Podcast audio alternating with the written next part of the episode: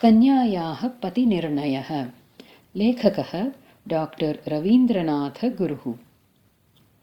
कस्मिंश्चित् ग्रामे कश्चन पण्डितः निवसति स्म।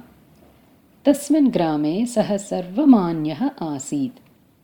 तस्य एका सर्वगुणसम्पन्ना कन्या आसीत्। आशैशवात् अतीव स्नेहसमादरसहिततया सा वर्धिता आसीत् क्रमशः तस्याः वयोवृद्धिः अभवत्। तस्याः परिणयार्थं बहवः प्रस्तावाः आगताः। किन्तु उच्चाकाङ्क्षिणी सा कन्या प्रतिज्ञाबद्धा आसीत् यत् सर्वे यं प्रशंसन्ति यश्च शक्तिशाली भवति तमेव अहं वृणोमि इति। एकदा तस्य राज्यस्य महाराजः हस्तिपृष्ठं समारुह्य तद्ग्रामाभ्यन्तरं समागतः। पण्डितस्य कन्या राजानम् अपश्यत्। समीपस्थाः सर्वे ग्रामवासिनः तत्र आगत्य राजानं नमस्कृतवन्तः। उच्चाकाङ्क्षिणी सा कन्या ज्ञातवती यत् राजा एव महाशक्तिशाली न्यायवांश्च इति। अतः सा मनसि एव तं पतिम् अचिन्तयत् यदा महाराजः स्वकर्तव्यं समाप्य हस्तिपृष्ठं समारुह्य राजधानीं प्रत्यगच्छत् तदा कन्या अपि तम् अनुसृत्य गतवती।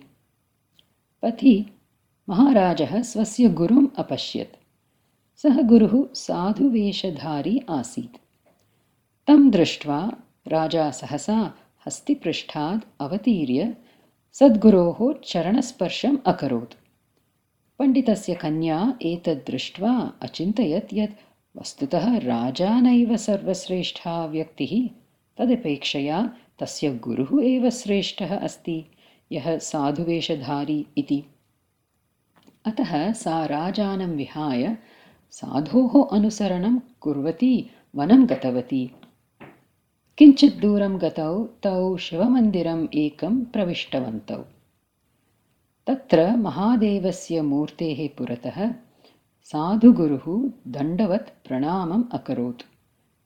पण्डितकन्या एतद्दृष्ट्वा चिन्तितवती यत् साधोरपि परतरः अस्ति देवाधिदेवः अयं महादेवः शिवः इति। अतः सा महादेवमेव पतिं भावयन्ती तस्मिन् एव मन्दिरे वासं कृतवती। किञ्चित् कालानन्तरं कश्चन शुनकः तत् मन्दिरम् आगत्य महादेवस्य पुरतः स्थापितं नैवेद्यं तस्य पार्श्वस्थं प्रसादं च खादितवान्। तत्पश्चात् पृष्ठचरणं समुत्थाप्य शिवलिङ्गस्य उपरि मूत्रविसर्जनं कृत्वा अग्रे अधावत्।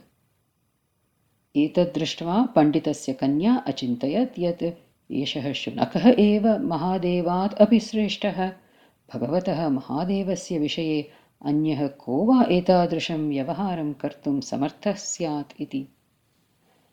अतः सा मन्दिरवासं परित्यज्य तं शुनकम् अनुसृतवती।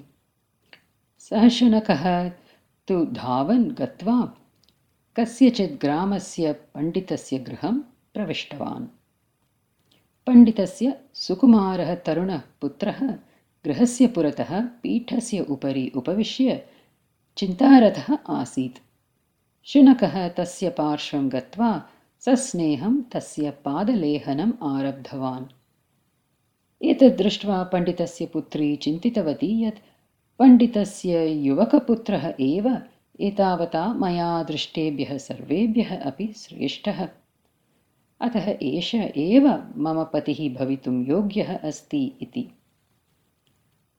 अन्ततो गत्वा पण्डितस्य पुत्रेण सह तस्याः पण्डितकन्यायाः परिणयः अभवत्।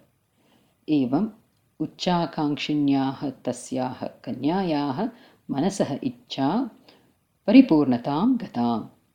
सा सुखेन दीर्घकालं यावत् जीवनम् अयापयत्